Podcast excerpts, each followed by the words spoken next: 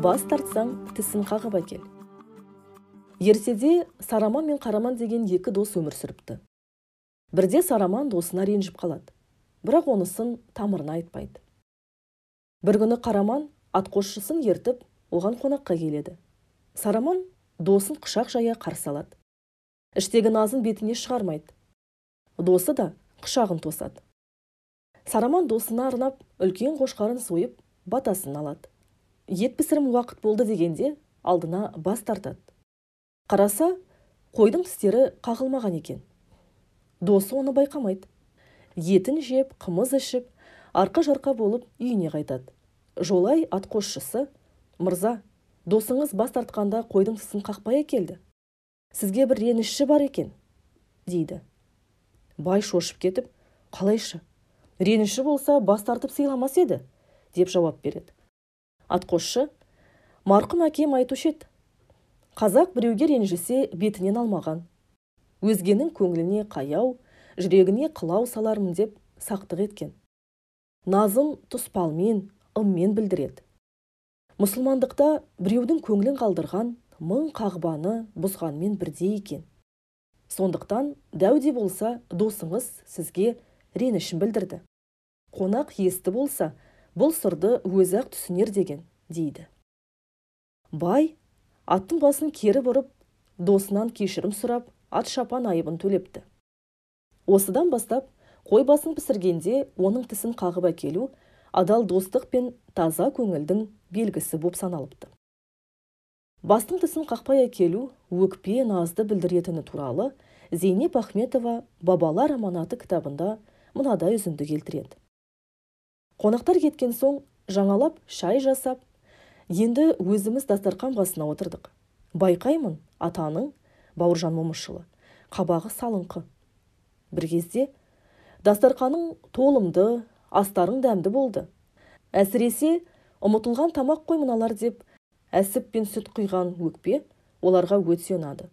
Бірақ соның бәрін сен жіберген төрт қателік жуып кетті. Қонақтар оны байқады байқамады дей алмаймын. Ал мен анық көрдім дегенде дымым ішіме түсіп көзім қарауытып кетті. Бүріскенім соншалық құрттай тесікке сыйып ақ кетер едім ол не папа? деп бәкең әкесіне қарады. Бірақ ата маған қарап маған арнап сөйледі. Біріншіден есі дұрыс қазақтың әйелі қонаққа бас көтеріп кірмейді. Жаман жақсы болсын бас ең аман.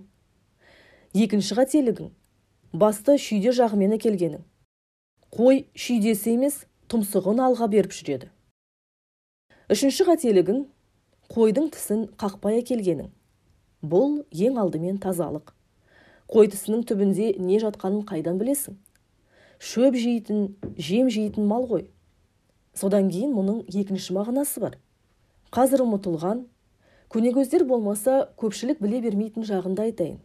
Қазақтар талай нәрсені ым тұспал ишара арқылы білдірген текті халық. Соның бірі осы қағылмаған тіске байланысты.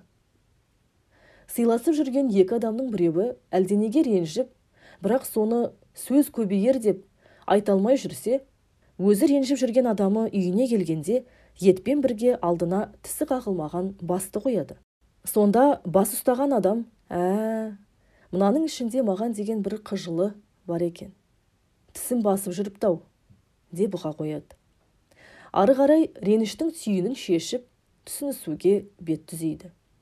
Ал төртінші қателігің басты қасқаламай әкелгенің талайлар мұның мәнін ұқпайды. Ол төрт құбылаң тең болсын маңдайың ашық болсын деген ізгі тілек. Салт дәстүр сөйлейді. Отбасы хрестоматиясы авторлар бопайұлы керімбай төлеген нәби тасболат. Жетінші басылым алматы отбасы хрестоматиясы 2021 жыл. 170-171 беттер. Бұл подкаст қазақ халқының болмысы мен жалпы қазақ дегенде ойға келетін түсініктер мен ұғымдар. Жорым жоралғылар әдет ғұрып пен салт дәстүр ұлттық педагогика аңыз әңгімелер мен қисса дастандар сондай ақ тарихи тұлғалар жайлы қысқа әрі нұсқа ақпарат берілетін эпизодтардан тұрады.